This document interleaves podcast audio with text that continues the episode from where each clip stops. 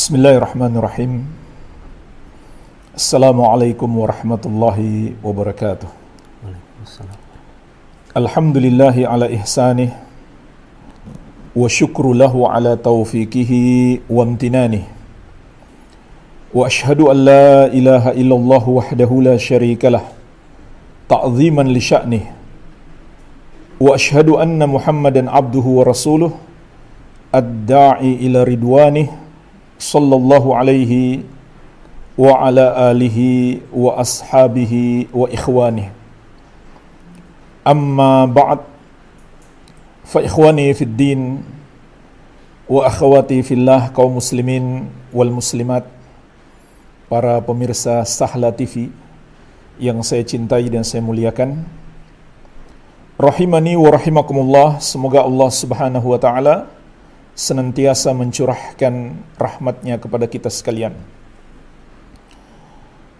Sesungguhnya kita harus senantiasa menyadari bahwa misi hidup kita untuk beribadah kepada Allah Subhanahu wa taala. Tidaklah kita diciptakan di muka bumi ini kecuali semata-mata untuk menghamba kepadanya sebagaimana firman-Nya "Wama khalaqatul jinna wal insa illa liya'budun." Dan tidaklah Aku menciptakan jin dan manusia kecuali agar mereka beribadah kepadaku saja. Inilah tujuan hidup kita. Mengapa kita diciptakan oleh Allah? Dan dianugerahkan berbagai macam kenikmatan.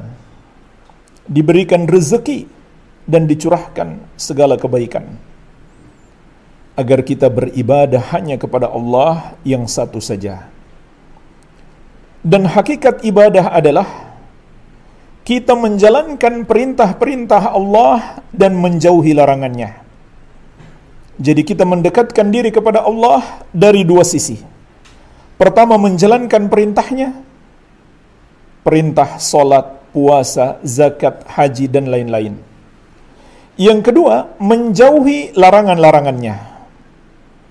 Menjauhi apa saja yang diharamkan oleh Allah Subhanahu wa taala, yang dilarang oleh syariatnya. Di antaranya jemaah sekalian yang ingin kita bahas di kesempatan ini yang harus kita jauhi adalah musik dan nyanyian. Sesungguhnya musik dan nyanyian itu termasuk perbuatan dosa, termasuk perbuatan maksiat berdasarkan dalil-dalil dari Al-Quran dan Sunnah, bahkan juga berdasarkan kesepakatan para ulama ahli sunnati wal jamaah. Sebagaimana insya Allah Ta'ala akan kita jelaskan di kesempatan yang mulia ini. Dan juga jemaah sekalian, yang mengkhawatirkan dari musik dan nyanyian itu, bahwasannya musik dan nyanyian juga bisa menjadi pintu yang membuka perbuatan-perbuatan maksiat yang lain. Jadi dia bukan sekedar maksiat, tapi dia juga merupakan pintu besar yang menjerumuskan manusia kepada perbuatan-perbuatan haram yang lainnya. Oleh karena itu, benar-benar kita harus waspada, harus kita jauhi perbuatan dosa ini sebagaimana insya Allah taala nanti akan kita sebutkan juga beberapa nasihat para ulama. Namun sebelum itu jemaah sekalian, alhamdulillah saat ini kita kedatangan tamu saudara kita, sahabat kita, Al-Akh Uki Kautsar dari Bandung ya. Nah, Ustaz. Ahlan wa sahlan. Ahlan bik Ustaz. Luar biasa perjalanan beliau cukup jauh datang ke studio Sahla TV dan kami ucapkan jazakumullah khair atas Wai. kesediaan antum mendatangi studio Sahla TV ini. Nah, Ustaz. Ya. sebagaimana ikhwan dan akhwat sekalian sudah mengenali beliau dulunya berkecimpung dalam dunia musik kurang lebih 20 tahun akhi. Kurang lebih. Masya Allah. Walhamdulillah dengan hidayah dari Allah subhanahu wa ta'ala beliau bisa meninggalkan perbuatan dosa tersebut. Dan ini benar-benar harus harus disyukuri. Karena kalau bukan Allah memberikan hidayah, nggak mungkin seorang hamba bisa meninggalkan perbuatan yang Allah haramkan. Walaula fadlullahi alaikum wa rahmatuhu ma zaka minkum min ahadin abada. Kalau bukan karena rahmat Allah, kalau bukan karena anugerahnya dan rahmatnya kepadamu, maka tidak seorang pun darimu yang dapat menjalankan perintahnya dan menjauhi larangannya. Jadi ini luar biasa, nikmat yang sangat besar yang harus antum syukuri ya. ya. Uh, sebelum kita lanjutkan, mungkin antum ada sepatah dua patah kata menceritakan pengalaman. Pengalaman ya. Ya, silakan. Bismillahirrahmanirrahim. Sebelumnya uh, nama ucapin juga terima kasih sudah mengundang ke sini Ustadz. Adapun sekarang uh, mungkin lebih bercerita uh, pada teman-teman. Yang pertama mungkin yang harus diingat uh, ini hanya nasihat benar kan Ustadz ya. Ini kita murni hanya menasehati tidak menghukumi kalian gitu. Maksudnya murni karena uh, teman-teman musisi juga kan uh, gimana uh, kita sayang sama uh, anak sayang sama teman-teman gitu. Cuma ini murni nasihat. Nah sekarang mungkin bercerita dulunya Ustadz ya. Jadi dulu tuh uh, intinya sih pulang dari umroh uh, sempat uh, kita zaman dulu ada Twitter Ustad jadi sempat debat sama seseorang di Twitter. Ada yang ngirim Twitter ke Ana. Ya, bilang musik itu haram maki segala macam. Dan kalau uh, mungkin kemarin-kemarin kalau uh, teman-teman lihat di IG komen-komen seperti itu nah Ana tuh dulu itu. Ana tuh dulu orangnya itu yang sering ngebantah-ngebantah tentang musik. Di Twitter itu. Panjang lebar. Sampai dalam hati kepikiran gitu maksudnya. Lama-lama kepikiran aja gitu. Berarti ada kemungkinan musik itu haram. Ada kemungkinan musik itu haram gitu karena ada orang yang ngomong kayak gini. Dan mungkin uh, sebagai manusia kita harus berbuat adil terhadap diri kita sendiri. Uh, berilah uh, peluang untuk kita membahas dari dua sisi. Nggak boleh kita langsung tiba-tiba menolak tanpa uh, kita uh, membaca bukti-bukti yang ada. Jadi mulai itu membaca uh, tentang tentang dari segi musik itu haram. Walaupun hati condong pengennya halal. Wow. Jadi ke mana-mana carinya yang menghalalkan musik. Iya, iya. Ketemu ustadz ini ikut uh, dengerin ceramahnya, wah bagus nih isinya isinya. Begitu beliau ngebahas tentang musik, ternyata haram. Karena pindah ke ustadz yang lain. terus itu jalan terus-terusan ustadz sampai uh, waktunya udah lumayan lama. Terus sampai pada kesimpulan ternyata yang menjadi banyak perselisihan buat anak pribadi. Nah, maksudnya uh, ini sebelum sebelum keluar ya, waktu di dalam tuh anak lihat kebanyakan dari mereka itu memang yang menghalalkan musik pun juga ikhtilafnya di definisi musiknya. Di definisi musiknya ada yang bilang bahwa burung itu musik, ada yang bilang itu Al-Qur'an itu musik gitu. Dan semuanya anak coba dipraktekin ke dalam diri sendiri gitu. Jadi ketika ada saran dari uh, Ustadz beliau bilang musik itu melalaikan melalaikan. Kalau kamu meninggalkan sholat berarti dia haram. Kalau tidak kalau tidak lalai itu bisa. Nah kenyataannya Ustaz ketika di studio kita lagi bikin lagu bareng-bareng. Ada azan. Teman saya yang rajin sholat berangkat misalnya. Adapun ada teman-teman yang tidak sholat. Nah ini gimana ya harus bilang? Apakah berarti buat dia halal dan buat dia jadi haram gitu? Nah itu bingung lagi di situ. Nggak nggak nggak nggak nggak bisa diterima waktu pada saat itu. Terus nerima lagi argumen yang mengatakan bahwa yang penting liriknya bagus dan tidak mengajak kepada keburukan. Nah, Ana lagi bikin album instrumental nggak ada liriknya, jadi makin bingung. bingung ini gimana ini ya? Uh, banyak jadi banyak banyak sekali yang terjadi kayak gitu sampai pada akhirnya ternyata anak yang saya sadarin itu ternyata fitnahnya itulah fitnahnya. Nah, kita bisa dari, pergi dari ujung dunia A ke ujung dunia D nanyain ke semua orang musik itu apa mereka akan beda jadi ibaratnya pas dalam hati mikir, kita tahu bahwa babi itu haram, tapi tiba-tiba ada orang datang itu bukan babi itu ayam. Wah ya, karena karena perbedaan itunya ya jadi. Nah yang bikin keluar itu sebenarnya bukan bukan karena hukum musik haramnya karena dari dulu udah pernah dengar tuh cerita itunya hadisnya hadis. Tapi karena ya gitulah belum kuat mungkin ya. Tapi beberapa kali itu uh, kalau kita baca kan suka ada apa nih komentarnya di bawahnya tuh ya, yang tentang hadis atau sebab nuzul uh, nuzul Qurannya. Yang terus-terus ada itu yang tentang itu uh, yang yang haram itu jelas.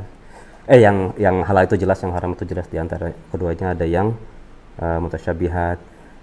Jadi pas baca itu kayaknya itu langsung benar. Saya nggak bisa menemukan kejelasan tentang definisi musik. Mungkin itu fitnahnya. Minimal syubhat. Eh, minimal syubhat. Jadi statusnya pending. Saya keluar dulu sambil cari tahu secara benar dulu gitu. Karena nggak bisa diterusin kalau dalam hati kita udah tahu bahwa oke okay, ini nggak jelas nih. Tapi hujah anak uh, saya mengikuti saran daripada hadis itu.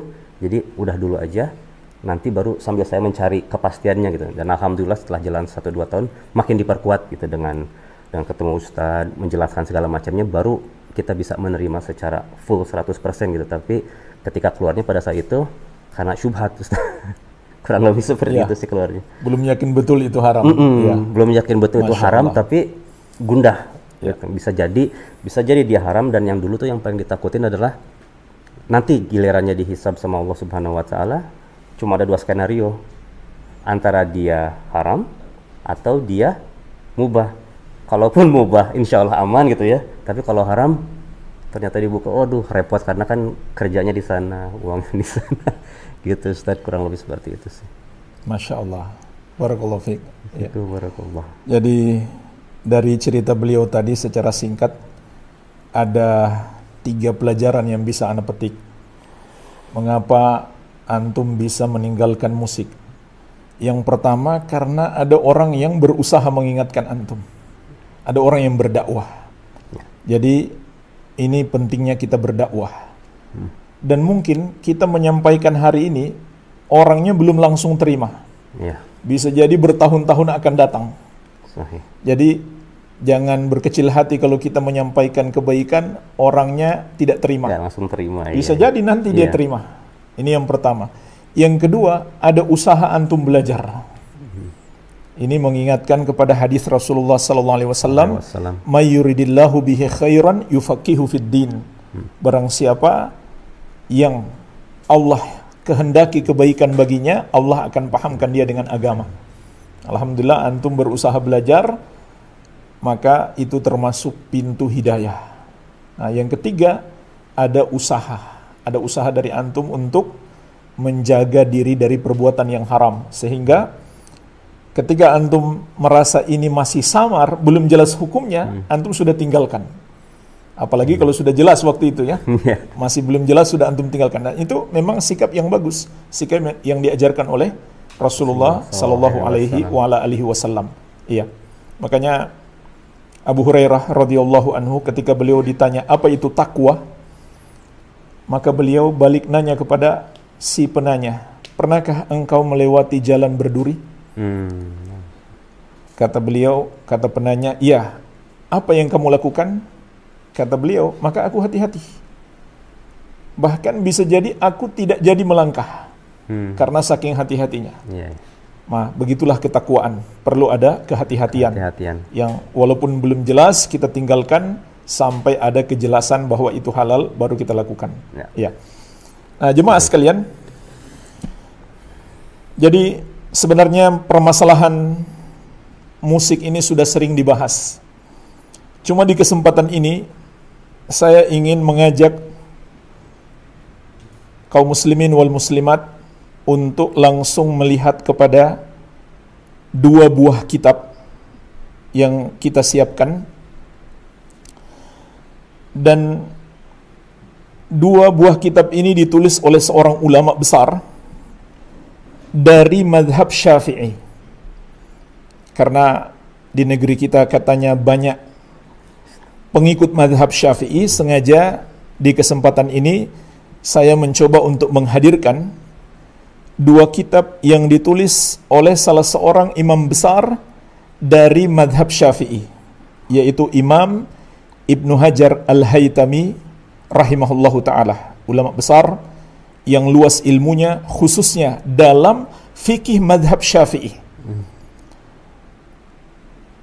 Kitab yang pertama berjudul Az-Zawajir an Iktirafil Kabair. Az-Zawajir an Iktirafil Kabair. Kitab ini berisi khusus tentang penjelasan dosa-dosa besar. Jadi ini luar biasa. Salah satu kitab yang menjelaskan kepada kita tentang dosa-dosa besar. Ada ratusan dosa besar yang beliau sebutkan dalam buku ini. Nah, di antara yang beliau sebutkan halaman berikutnya atau di halaman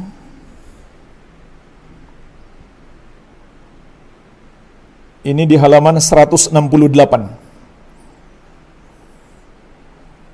Beliau mengatakan Al-kabiratu as-sadisatu was-sabi'atu was-saminatu wat-tasi'atu wal arba'un wal khamsun wal hadiyatu wal khamsun ba'da ba'dal arba'imi'ati dosa besar yang ke 446 hmm. sampai 451 berarti ada 6 446 sampai 451.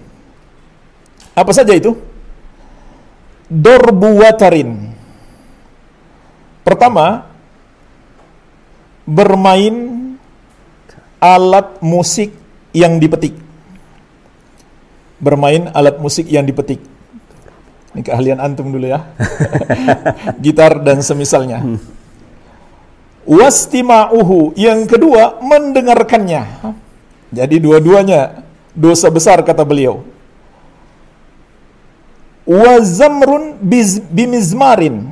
Yang kedua, bermain alat musik tiup, seruling dan semisalnya.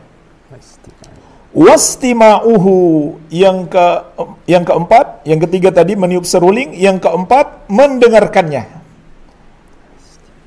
Jadi bukan hanya yang main, yang mendengarkan, yang menikmati juga berdosa. Wadarbu biqubatin. Yang kelima, bermain alat musik tabuh. Drum, rebana, dan semisalnya. Tetapi ada sebuah hadis menjelaskan tentang rebana yang diperkecualikan. Yaitu rebana murni dan dimainkan pada hari raya atau walimatul urs, resepsi pernikahan. Ini pengecualian. Yang keenam wastima'uhu, mendengarkan tabuhan rebana tersebut atau drum. Jadi ini kata beliau dosa besar 446 sampai 451. Hmm. Kemudian beliau menyebutkan dalil seperti yang biasa kita sampaikan di masa ini. Jadi para ulama madhab syafi'i juga berdalil dengan ayat ini. Surat Luqman ayat ke-6. Qala ta'ala Allah Subhanahu wa taala berfirman, "Wa minan nasi may yashtari lahwal hadits liyudilla an sabi sabilillahi bighairi ilmin wa yattakhidhaha huzwa." Dan di antara manusia ada yang mempergunakan lahwal hadis, ucapan yang sia-sia untuk menyesatkan manusia tanpa ilmu. Untuk menyesatkan manusia dari jalan Allah tanpa berdasarkan ilmu dan mereka menjadikan jalan Allah itu sebagai olok-olokan mereka. Ulaika lahum azabum muhin. Mereka itulah yang akan mendapatkan azab yang menghinakan. Di sini beliau menyebutkan Fassar Ibnu Abbasin wal Hasan radhiyallahu anhum lahwal hadis bil malahi. Ibnu Abbas dan Al Hasan Al Basri Semoga Allah meridhai mereka menafsirkan yang dimaksud dengan ucapan sia-sia dalam ayat ini adalah al-malahi. Semua alat-alat yang melalaikan termasuk di dalamnya alat-alat musik. Wasayati bayanuha dan akan datang nanti penjelasan yang lebih detail. Wa qala ta'ala juga beliau berdalil dengan firman Allah Subhanahu wa taala. Wastafziz man istata'ta minhum bisautik dan hasunglah mereka wahai setan dengan suaramu siapa yang engkau mampu untuk menyesatkan mereka. Fassara Mujahid bil gina wal mazamir. Imam Mujahid, imam besar ahli tafsir dari generasi tabi'in menafsirkan yang dimaksud dengan suara setan adalah nyanyian dan alat-alat musik. Jadi jemaah sekalian, Imam Ibnu Hajar Al-Haytami, ulama besar dari madhab Syafi'i, berdalil dengan dua ayat ini untuk menjelaskan tentang haramnya musik bahkan termasuk dosa besar. Nah, di sini juga ada pelajaran. Di ayat yang pertama Allah menyebutkan ucapan yang sia-sia termasuk musik dan nyanyian itu liyudillah an sabilillah untuk menyesatkan dari jalan Allah. Begitu pula di ayat yang kedua setan mempergunakan suaranya yang bermakna nyanyian dan musik untuk menyesatkan manusia. Maka ungkapan musik itu pintu maksiat berdasarkan dua ayat yang mulia ini. Jadi itu bukan semata-mata pernyataan seorang sahabat kita Uki Kautsar ya. itu berasal dari ayat Allah Subhanahu wa taala. Allah mengabarkan kepada kita bahwa musik itu menyesatkan dari jalan Allah dan termasuk cara setan untuk menyesatkan manusia. Iya. Kemudian berikutnya halaman berikutnya di halaman 169 Imam Ibnu Hajar juga berdalil dengan hadis yang masyhur. Hadis tentang haramnya musik. Diriwayatkan Al-Bukhari, Abu Daud dan yang lainnya. Rasulullah sallallahu alaihi wasallam bersabda, "La yakunu fi ummati qaumun yastahilluna al-hira." Akan ada pada umatku satu kaum yang menghalalkan zina. Wal harira dan sutra, yaitu bagi laki-laki hukumnya haram. Wal khamra dan khamar. Wal ma'azif alat-alat musik. Maka Imam Ibnu Hajar Al-Haytami Asy-Syafi'i rahimahullah juga berdalil dengan hadis ini untuk menjelaskan bahwa musik itu merupakan dosa besar. Beliau di sini mengatakan hadza sahih sarihun zahirun fi tahrimi jami'i alatil lahwi al-mutrabah. Di dalam hadis ini terdapat keterangan jelas dan tegas. Keterangan yang sangat tegas dan jelas tentang pengharaman semua alat yang melalaikan yang biasa ditepuk atau biasa ditabuh. Kemudian beliau menyebutkan bahkan ada ijma. Wa qad haqqa syaikhan annahu la khilafa fi tahrimil mizmar al-iraqi wa ma yudrabu bihi minal autar. Asy-syaikhan dua orang syekh telah menghikayatkan adanya ijma. Dua orang syekh yang dimaksud adalah Ar-Rafi'i dan An-Nawawi. Jadi dalam buku-buku mazhab Syafi'i kalau disebutkan Asy-Syaikhan itu bukan Bukhari Muslim. Kalau buku-buku ulama ahli hadis, kebanyakan kalau disebut Asy-Syaikhan, dua orang syekh maksudnya adalah Bukhari dan Muslim. Hmm. Tapi kalau dalam buku-buku Syafi'i yang dimaksud dengan Asy-Syaikhan, dua orang syekh adalah Ar-Rafi'i dan An-Nawawi. Karena dua orang ulama ini yang paling luas pengetahuannya tentang madhab Syafi'i. Syafi'i. Hmm. Maka kata beliau, dua orang syekh ini telah menukil annahu la khilafa fi tahrimil mizmar al-iraqi. Tidak ada perbedaan pendapat ulama dalam pengharaman seruling wa mayudrabu bihi minal autar dan alat yang dipukul begitu pula yang dipetik alat-alat musik yang dipukul hmm. dan alat alat musik yang dipetik. Ya. Kemudian Di halaman 172 berikutnya akhi.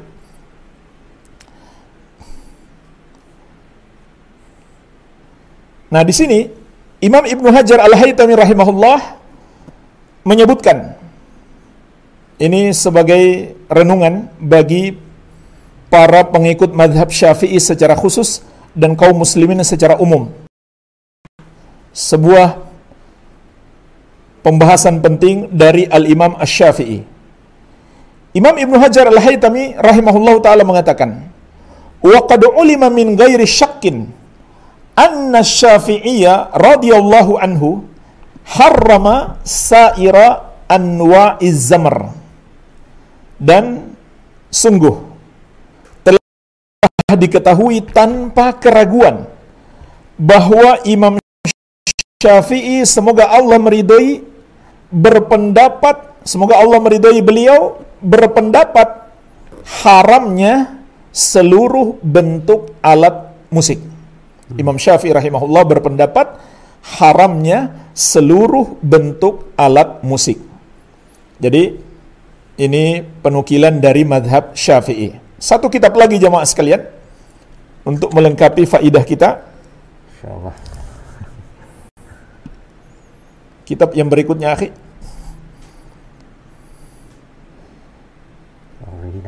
Kita berjudul Kafra'a an Muharramatil Lahwi was Sama. Hukmul Islam fil Gina wal Musiqi was Syatranj. Juga ditulis oleh Imam Ibnu Hajar Al-Haytami, imam besar dari madhab Syafi'i. Berikutnya, beliau menyebutkan di dalam kitab ini di halaman 74 sebuah hadis. Inna Umar radhiyallahu taala anhuma sami'a mizmaran. Sesungguhnya sahabat yang mulia Abdullah bin Umar radhiyallahu taala anhuma pernah mendengarkan seruling ditiup. Fawa'ada usbu'aihi fi udunaihi. Maka beliau segera meletakkan dua jarinya ke dua telinganya. Wa na'a'anit tariq. Dan beliau menjauh dari jalan. Wa qala li, lalu beliau berkata kepadaku, yaitu kepada Nafi, Ya Nafi, hal tasma'u syai'an, wahai Nafi, apakah engkau masih mendengarkan suara musik itu? Kultula, aku jawab tidak. Farafa usbu'aihi an udunaihi barulah beliau melepaskan dua jarinya dari dua telinganya. Waqal lalu beliau berkata, "Kuntu ma'an Nabi sallallahu alaihi wasallam fasana'a mithla dhalik." Aku pernah bersama Nabi Muhammad sallallahu alaihi wasallam lalu beliau mendengarkan suara musik di tengah perjalanan, maka beliau melakukan seperti yang aku lakukan tadi. Jadi ini subhanallah luar biasa jemaah sekalian. Dalam hadis ini Rasulullah SAW mengajarkan kepada kita kalau kita di perjalanan misalkan tidak sengaja mendengarkan ada musik termasuk sunnah beliau kita menutup telinga. Hmm. termasuk sunnah beliau kita menutup telinga. Dan sahabat Ibnu Umar radhiyallahu anhuma mempraktikkan apa yang telah beliau lihat dari Rasulullah sallallahu alaihi wasallam. Maka ini juga hadis yang digunakan oleh Imam Ibnu Hajar untuk menjelaskan tentang haramnya musik. Mendengarkannya pun hukumnya haram. Apalagi yang memainkannya. Kalau tidak sengaja kita mendengarkan, maka kita berusaha semaksimal mungkin untuk menjauhinya, untuk menutup telinga atau menjauhi sumber suara. Ini yang dilakukan oleh Rasulullah SAW dan para sahabat radhiyallahu taala anhum ajmain. Dan hadis ini juga menunjukkan bahwa alat musik sudah ada di masa Rasulullah Sallallahu Alaihi Wasallam. Jadi tidak seperti kata sebagian orang musik belum ada di zaman Nabi Sallallahu Alaihi Wasallam. Jadi nggak mungkin dikatakan haram. Nah, hadis ini dan hadis sebelumnya menunjukkan mus alat musik itu sudah ada di zaman Rasulullah Sallallahu Alaihi Wasallam. Dan kalau kita bicara efek melalaikan, maka kita pasti yakin musik zaman sekarang jauh lebih melalaikan daripada musik zaman dulu. Ya. Begitu akhirnya. Iya. Jadi walaupun sekarang muncul berbagai macam jenis musik, ya dulu mungkin nggak ada gitar elektrik, Iya. ya, maka justru gitar elektrik lebih melalaikan dibandingkan gitar zaman dahulu. Ya. Kemudian di halaman berikutnya, halaman 77. Nah, di sini beliau juga menukilkan adanya ijma. Fadol akhi.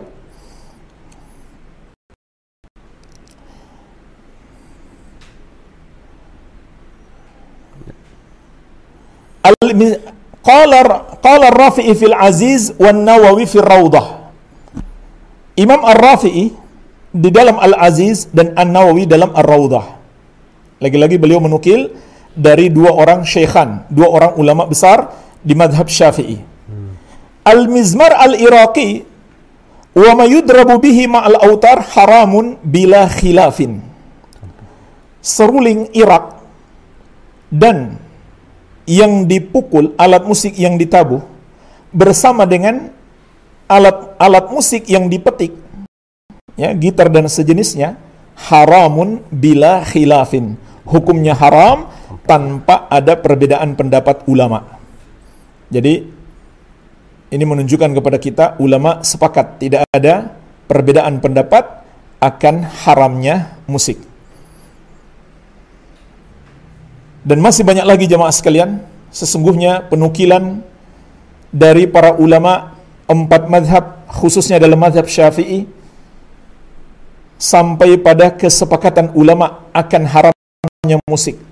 Jadi nggak bisa kita mengatakan musik itu haram kalau dilakukan sambil berbuat maksiat. Karena musik itu sendiri sudah termasuk perbuatan maksiat. Dan juga memang betul dia akan membuka maksiat-maksiat yang lain.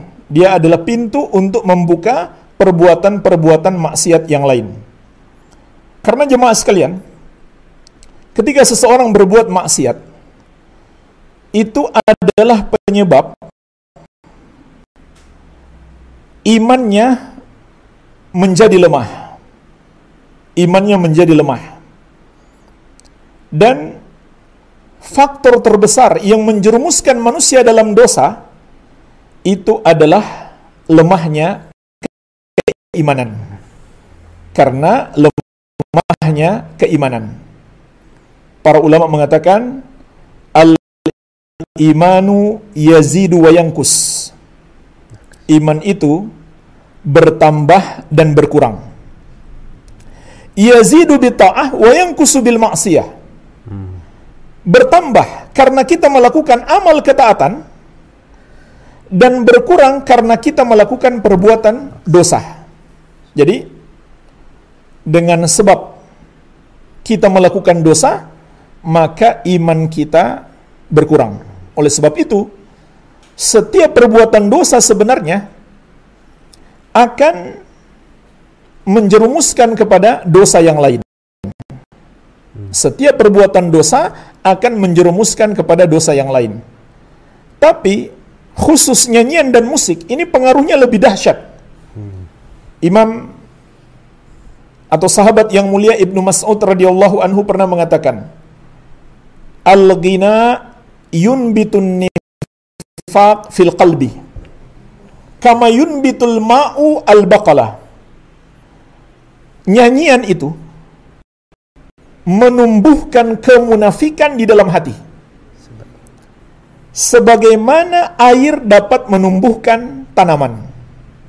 Lihat bagaimana para sahabat memahami pengaruh nyanyian terhadap hati manusia. Merusak hati sampai pada tingkat yang paling parah yaitu kemunafikan. Syekhul Islam Ahmad bin Abdul Halim Al-Harani rahimahullah taala juga pernah mengatakan alat alat musik itu adalah khamrun nufus, khamarnya jiwa. Yang pengaruhnya lebih dahsyat daripada khamar di dalam gelas. Padahal jemaah sekalian, khamar di dalam gelas kata Rasulullah SAW itu adalah ummul khaba'ith.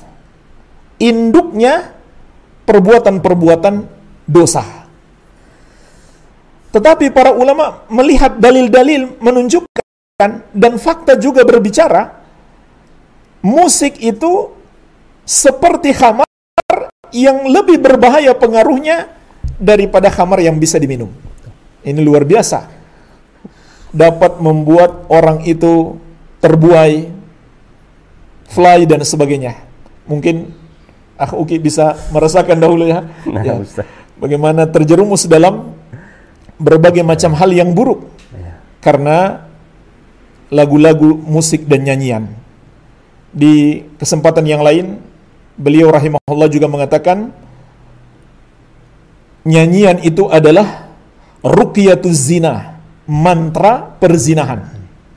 Jadi sangat betul apa yang Akh Uki pernah sampaikan, musik itu adalah pintu yang membuka perbuatan-perbuatan dosa yang lain.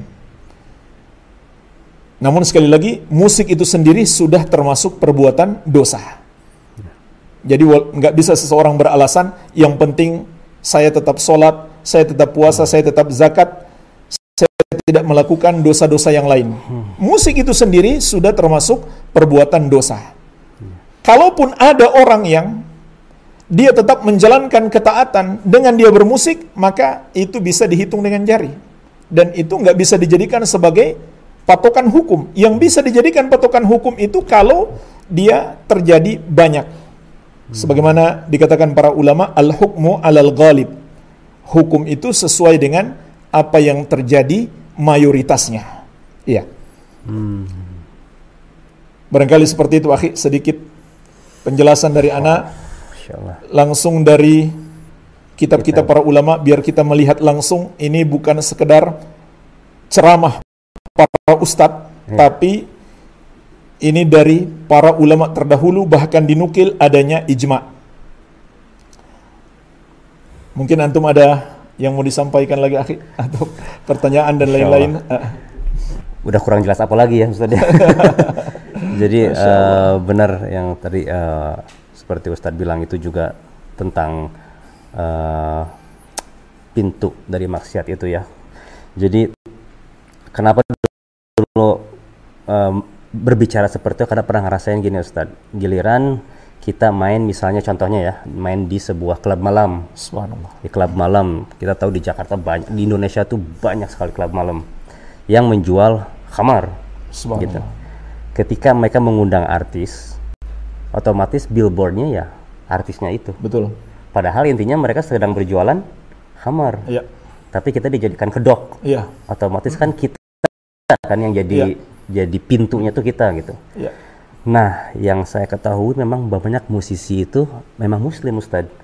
Ya saya ngerasa sebagai sesama orang muslim, saya justru ngebela kalian jangan sampai terjun ke dalam Iya, situ. Jangan Masya mau Allah. kamu menjadi. Iya. eh, yang ngedagangin khamar buat orang lain. betul Karena keuntungannya buat mereka yang menjual khamar Ah. di dunia. Iya. Kalian sebagai musisi harusnya lebih ya lebih wise dalam Iya. kalaupun mereka masih pengen bermain musik, yang masalah khamar itu tinggalin itu aja dulu deh gitu. Iya. Karena itu udah sangat clear gitu. Yang itu mah gitu. Dulu Jadi, juga anda sendiri bertahap. Jadi maksudnya nggak main dulu di klub malam Iya. karena dikit-dikit insya Allah bisa bisa bisa full gitu Ustaz. Nah ada pertanyaan dari teman-teman teman-teman musisi juga kemarin ada yang beberapa yang nanya gitu. Tapi mereka menanyakannya seperti ini Ustaz itu. Kalaupun saya meninggalkan musik, iya apakah benar saya ini harus menjadi gembel gitu yang dulu-dulunya di, di- Iya. dibakar apakah eh, saya dulu pernah ngasih makan istri Iya. anak pakai uang dari musik sekarang Iya. saya mau berubah iya nah itu gimana mobil saya rumah saya apakah Iya. semuanya harus di baik baik diserahin sampai saya jadi gembel dan mulai dari nol jadi Iya. itu yang bikin mereka untuk aduh gimana ya ini Baik. gitu apakah as- apakah Islam mengajarkan bahwa orang yang hijrah itu harus jadi gembel dulu dari nol Iya. gitu? baik, baik.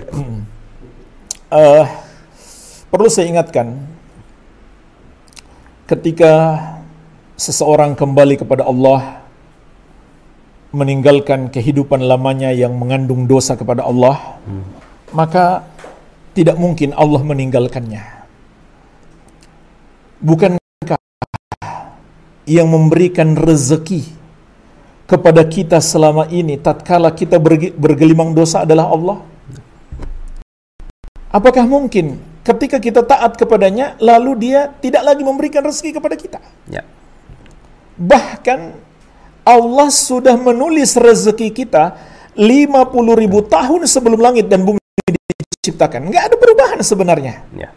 Kata Allah maqadir al khalaik qabla ayakhluqa samawati wal ard bi khamsina alfasanatin. Kata Rasulullah sallallahu alaihi wasallam, Allah telah menulis takdir seluruh makhluk Ya. sebelum Allah menciptakan langit dan bumi selama 50 ribu tahun. Ya. Termasuk rezeki kita sudah Allah tulis.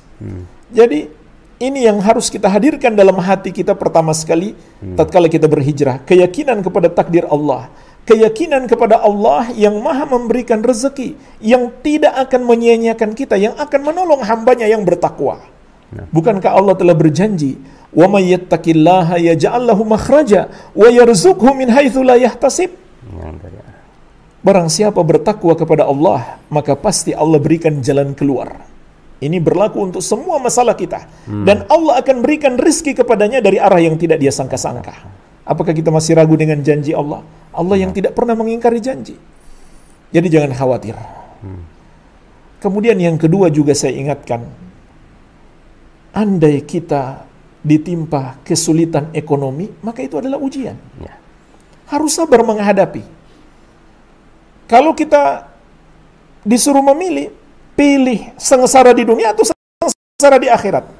Secara dunia. Tentu kita lebih bagus sengsara di dunia, Dunia. sementara ini saja. Dan itu bagian dari ujian yang mesti kita hadapi. Hmm. Ahasiban nasu ayyutraku ayyakulu amanna wahum la yuftanun. Ya. Apakah manusia mengira mereka akan dibiarkan begitu saja mengucapkan kami sudah beriman padahal mereka belum diuji? Maka mungkin saja ada kesulitan ekonomi sebagai bagian dari ujian keimanan kita. Sabar, tidak lama. Ya.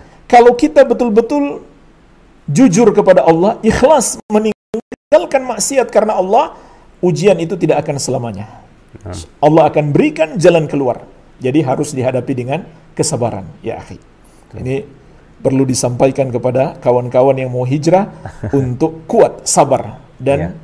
lebih menghadirkan kenikmatan di akhirat daripada kenikmatan sementara di dunia ini.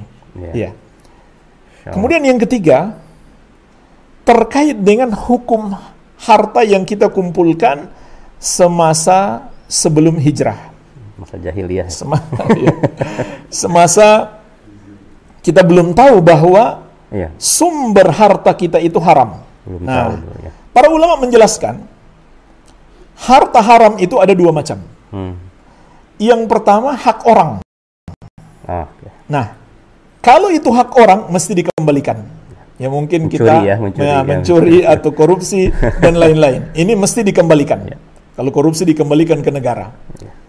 Kalau orang itu sudah nggak ada, ahli warisnya pun nggak ada, maka kita sedekahkan harta itu dengan niat untuk orang tersebut. Ah, Nah, ini yang pertama. Yang kedua, harta haram tapi nggak ada orang yang berhak. hmm. Ya, contohnya penghasilan dari musik, Musik, ya. termasuk juga riba Ya, iya. dan lain-lain. Nah, harta seperti ini para ulama mengatakan jika kita dapatkan dulu belum mengetahui hukumnya, maka dia hukumnya halal untuk kita nikmati sekarang. Kenapa? Karena ada ayat yaitu di surat Al-Baqarah ayat ya. 275. Faman ja'ahu mau'izatu min rabbih fantaha falahu ma salaf wa amruhu ilallah. Hmm. Maka barang siapa yang telah datang kepadanya nasihat dari Robnya, kemudian dia berhenti. Dia berhenti melakukan riba. Ini sebenarnya ayat awalnya Tentang berbicara riba. tentang riba. Ya. Tapi maknanya umum. Para ulama menjelaskan makna ayat ini mencakup semua harta haram yang semisal dengan riba, yaitu nggak ada orang yang punya hak padanya, nggak perlu kita kembalikan seperti iya. harta curian tadi. Maka kata Allah, falahu salaf, baginya apa yang sudah berlalu. Jadi itu insya Allah Taala tidak mengapa halal baginya untuk menikmatinya. Namun jangan dia ulangi lagi. Ya. Jangan dia ulangi lagi perbuatan tersebut. Walaupun sebagian ulama juga menasihatkan, andai kita punya penghasilan lain, kemudian harta yang kita dapatkan dari yang haram itu kita berikan kepada fakir miskin itu lebih baik. Lebih baik. Itu lebih baik. Tapi kalau kita butuh, kita fakir, maka tidak mengapa kita gunakan harta tersebut karena Allah mengatakan falahuma salaf. Baginya yang telah lalu. apa yang telah berlalu yang maksudnya dia belum mengetahui itu hukumnya haram, maka tidak haram baginya dimaafkan oleh Allah. Bukan tidak haram tapi dimaafkan oleh Allah, Subhanahu wa taala karena ketidaktahuan. Sebagaimana juga firman Allah tentang doa orang-orang yang beriman Rabbana la tu'akhidna in nasina Au akhta. au akhtana. Wahai Rabb kami jangan engkau hukum kami apabila kami lupa atau kami salah tanpa sengaja. Ya. kan kita tidak, tidak tahu itu bukan kesengajaan. Ketika kita sudah tahu lalu kita melakukan yang haram itu maka hasilnya haram. Nah oleh karena itu kalau misalkan para musisi bertobat maka dia tidak boleh kemudian menjual alat-alat musiknya. Iya. nggak boleh. Nggak boleh. karena Rasulullah SAW juga mengatakan Innallaha idha harrama syai'an harrama thamanahu. Sesungguhnya Allah apabila mengharamkan sesuatu Allah haramkan juga hasilnya harganya. Jadi nggak boleh itu dijual. Ya. ya solusinya bagaimana? Bisa dirubah menjadi benda lain ya misalkan gitar iya. antum rubah jadi, Jadi ya Meja. meja atau apa eh, tempat untuk potong cabai dan bawang tidak masalah ya dirubah menjadi benda lain Iya, Ya. iya, iya. wallahu alam seperti itu akhi Masya Allah. Dah cukup jelas kayaknya Ustadz ya. Iya. Eh, jadi apa ya? eh, mungkin yang saya rasain sama waktu sebelum keluar juga sambil mencari, tapi kalau semuanya sudah terjawab, udah tinggal udah tinggal berdoa aja udah nggak bisa betul apa-apa. itu yang sangat penting sekali berdoa apalagi terkait dengan musik ini berat karena memang nikmat enak mendengarkan musik itu bermain musik apalagi antum merasakan sendiri kan Iya. Iya. jadi meninggalkannya berat Iya. maka kita betul-betul butuh pertolongan Allah jadi mesti berdoa mesti Nah. banyak berdoa iya Iya. Sama memang berat itu adalah yang kedua yang Ana rasain memang musik dari zaman dulu ke zaman sekarang perubahannya kita bisa lihat arah sekarang ke mana arahnya gitu ya dari mulai aplikasi segala macam. Nah, jadi memang kadang-kadang yang kepikiran sama kita gimana ya generasi saya 3 4 tahun 5 tahun ke depan seperti apa mungkin fitnahnya bisa jadi lebih besar lagi gitu. Iya. Jadi eh, ya mungkin mengingatkan diri sendiri juga sambil kita ngingatin anak-anak karena ada sempat ada ada komentar atau ada orang yang ngomong eh, apa dosanya seorang guru yang mengajarkan anak kecil bermusik gitu ya? Ya itu kan kadang-kadang anak pikir eh iya apa apa salahnya? Tapi ada ternyata musisi yang waktu kecilnya belajar sama guru tapi udah gedenya jadi musisi misalnya metal akhirnya bunuh diri juga gitu kan. Jadi kayak kayak kayak melihara singa gitu maksudnya. Iya. udah jadi besar gitu. Jadi ya itu gitu kadang-kadang kita terlena dengan eh anak kecil mah mungkin nggak apa-apalah mungkin dengerin musik dulu aja ada musik anak-anak anak tapi lama kelamaan dia terbawa jadi terbiasa sampai iya. akhirnya jadi justru anak kecil itu sangat berbahaya. Tatkala kita membiarkan mereka berbuat dosa ya. Karena seperti kata para ulama mengajari anak di waktu kecil seperti kita mengukir di atas batu jadi mengukir di atas batu itu terlihat sulit namun kalau sudah terukir susah dihapus Sedangkan kalau orang sudah besar, seperti kita mengukir di atas air, kelihatannya mudah, tapi mudah juga terhapus. Jadi, justru sejak kecil harus ditanamkan nilai-nilai ketakwaan, harus diajarkan mana yang halal untuk dilakukan dan mana yang haram untuk dijauhi. Tidak boleh. Dan kalau ada yang bertanya apa dosanya mengajarkan musik, justru yang ngajari lebih besar dosanya. Iya sih. Karena setiap Jadi, ya. orang yang bermusik itu ber- melakukan dosa itu, dosa mengalir kepadanya. Iya, Ini bahaya. Nah, termasuk juga termasuk juga eh, para musisi yang bermain musik kemudian menjadi idola diikuti oleh orang. Maka dia bukan hanya dapat dosanya sendiri, dia menanggung dosa orang yang mengikutinya. Nah, oleh karena itu di kesempatan ini juga Ah Uki punya kesempatan untuk menjelaskan kepada orang-orang yang dulu mengikuti jalan beliau atau bermain musik karena Hmm, iya. tertarik dengan idolanya. Nah ini berbahaya sekali. Jadi jariah asalnya. Satu juta orang bermain musik karena kita, maka satu juta orang itu berdosa, dosanya mengalir kepada kita. Ya. Wa man da'a ila dolalatin kana lahu minal ithmi mithlu athami man tabi'ahu la yankusu dzalika min athamihim syai'an. Siapa yang mengajak kepada kesesatan, dia mendapatkan dosanya. Dan dosa orang-orang yang mengikutinya tanpa mengurangi dosa mereka sedikit pun. Ya, makanya penting khususnya bagi para musisi untuk mengingatkan orang-orang yang dulu pernah dia sesatkan. Ya. Ya. Mudah-mudahan ini termasuk kesempatan bagi antum untuk menjelaskan kepada para penggemar bahwa dulu itu salah. Nah, Yang penting sudah diingatkan mereka mau dengar alhamdulillah kalau tidak mudah-mudahan antum sudah tidak berdosa lagi. iya. Insya Allah. Iya. Sama banyak yang suka nge-DM lewat sosmed. eh, mereka minta tolong tanyakan gimana caranya supaya mereka bisa istiqomah eh, nggak mendengarkan musik lagi karena kebanyakan dari mereka tuh pada nanya gini Ustadz eh, saya ngedengerin tapi tiba-tiba mungkin ke mall jadi ingat lagi pulang-pulang Ya. jadi jadi ya gitulah jadi dia Ya. balik-balik balik Ya. lagi gitu Ya, ini juga penting karena faktanya banyak orang yang sudah berhijrah akhirnya kembali lagi. Maka faktor utama supaya istiqomah adalah menguatkan tauhid. ya Ini faktor utamanya. Karena tauhid itu adalah sebab terbesar hamba mendapatkan pertolongan Allah. Ya. Ya, terutama seperti yang antum ceritakan tadi. Tatkala kita kembali terdengar musik tanpa kita sengaja, Hmm. ya kan? Nah, saat-saat seperti ini kita betul-betul membutuhkan pertolongan Allah. Dan lihat bagaimana cobaan yang menimpa Nabi Yusuf alaihissalam. Itu luar biasa. Nabi Yusuf seorang anak muda belum punya istri, Iya. digoda oleh seorang wanita cantik jelita. Luar biasa. Pintu-pintu jendela sudah ditutup oleh wanita tersebut. Wanita itu bukan lagi menggoda, bahkan memaksa. Tanpa malu-malu lagi mengajak dengan terang-terangan untuk melakukan perbuatan keji tersebut. Tetapi Allah menyelamatkan Nabi Yusuf alaihissalam. Ya, perhatikan kisahnya Allah sebutkan di surat Yusuf, "Walaqad hammat bihi wa hamma biha laula ar-ra'a burhana rabbih." Wanita itu berkeinginan kepada Yusuf dan Yusuf hampir saja punya keinginan pun terhadapnya. Kalaulah dia tidak melihat tanda dari Robnya, kalaulah Allah tidak menolong beliau, kan ini luar biasa. Kemudian Allah jelaskan kepada kita apa sebabnya Nabi Yusuf alaihissalam ditolong dalam kondisi yang sangat genting tersebut.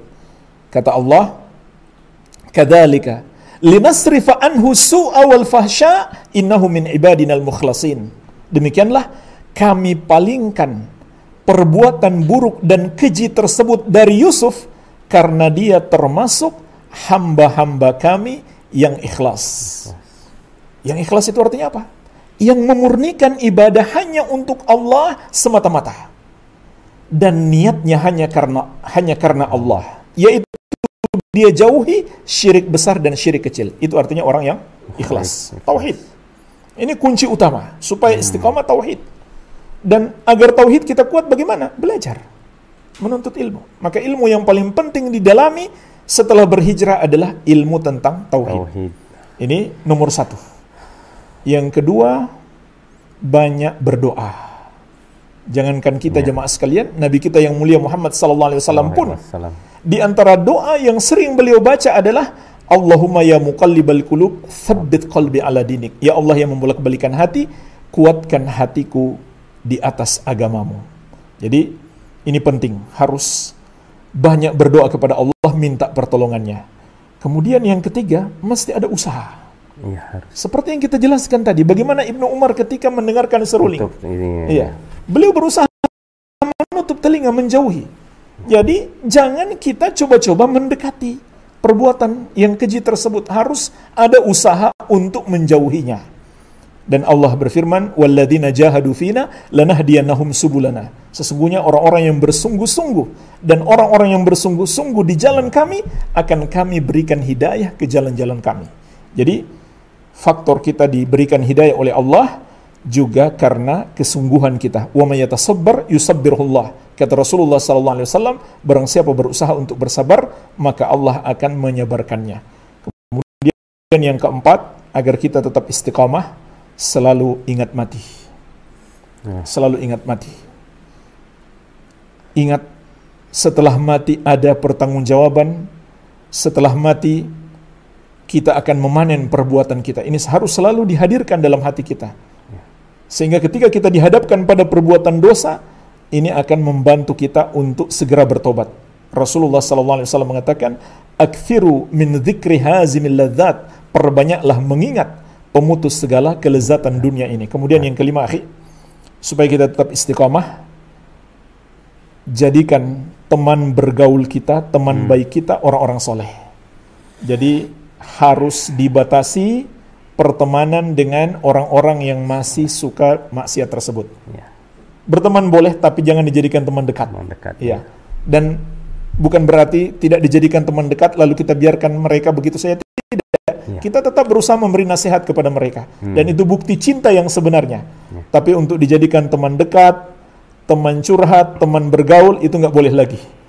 Jadikan teman bergaul kita, teman dekat kita, orang-orang soleh, para penuntut ilmu dari kalangan ahli sunnati wal jamaah. Sebab Rasulullah SAW mengatakan, Al-mar'u ala dini khalilih, falyanudhur ahadukum man yukhalil. Seseorang itu tergantung agama sahabat karibnya. Hendaklah setiap kalian memilih siapa yang akan dia jadikan sahabat dekatnya. Barangkali jemaah sekalian, ini lima ya yang semoga bisa membantu kita istiqamah setelah berhijrah. Wallahu alam. Ya, bisa. Oh, Insya Allah. Wah, udah sangat-sangat lengkap banget ya itu. Insya Allah. Mungkin kita cukupkan dulu ya. Nah. Ustaz. Terima kasih atas kedatangan antum. Jazakumullah khairan. Wa Juga yakum. tidak lupa saya ucapkan terima kasih kepada kru Sahla TV atas kesempatan yang diberikan kepada kami. Jazakumullahu khairan. Semoga Allah membalas semuanya dengan kebaikan. Inilah yang bisa kita bahas. Semoga bermanfaat. Lebih dan kurangnya saya mohon maaf. Wabillahi taufik. Subhanakallahumma bihamdik. Asyhadu an la ilaha illa anta astaghfiruka wa atubu ilaik. Wa sallallahu ala nabiyyina Muhammadin wa alihi wa sallam. Wa akhiru da'wana anil hamdulillahi rabbil alamin.